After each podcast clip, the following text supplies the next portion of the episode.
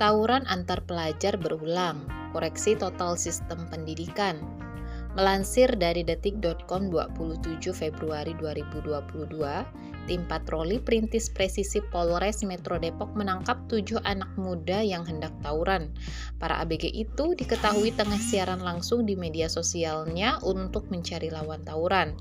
Jika tawuran sudah terjadi berkali-kali, fenomena tersebut bukan lagi kebetulan atau kesalahan individu, melainkan kesalahan sistemis yang harus ketemu akar permasalahannya.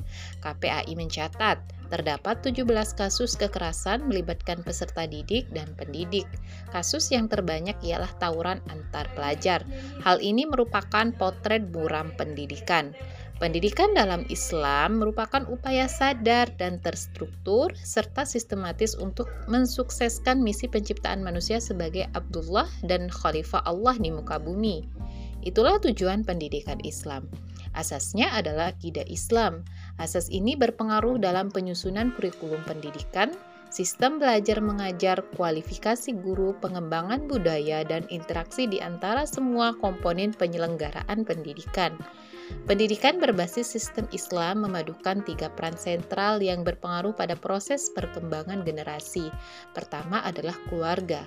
Dalam hal ini, orang tua adalah ujung tombak lahirnya bibit unggul generasi.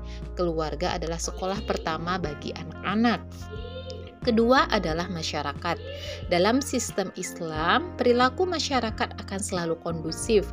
Jika masyarakatnya bertakwa, amar ma'ruf nahi mungkar akan berjalan secara efektif. Dengan lingkungan masyarakat yang senantiasa menjaga, mengajak pada ketaatan, suasana tersebut akan berdampak positif pada anak-anak. Tabiat dasar anak adalah meniru dan mencontoh yang mereka lihat di lingkungan masyarakat. Jika masyarakatnya baik, individu pun ikut baik. Ketiga adalah negara.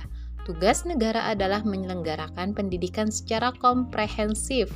Negara wajib menyediakan fasilitas pendidikan yang memadai, mulai dari kurikulum berbasis akidah Islam, sarana dan prasarana, pembiayaan pendidikan, tenaga pra tenaga pengajar profesional, hingga sistem gaji guru yang mensejahterakan.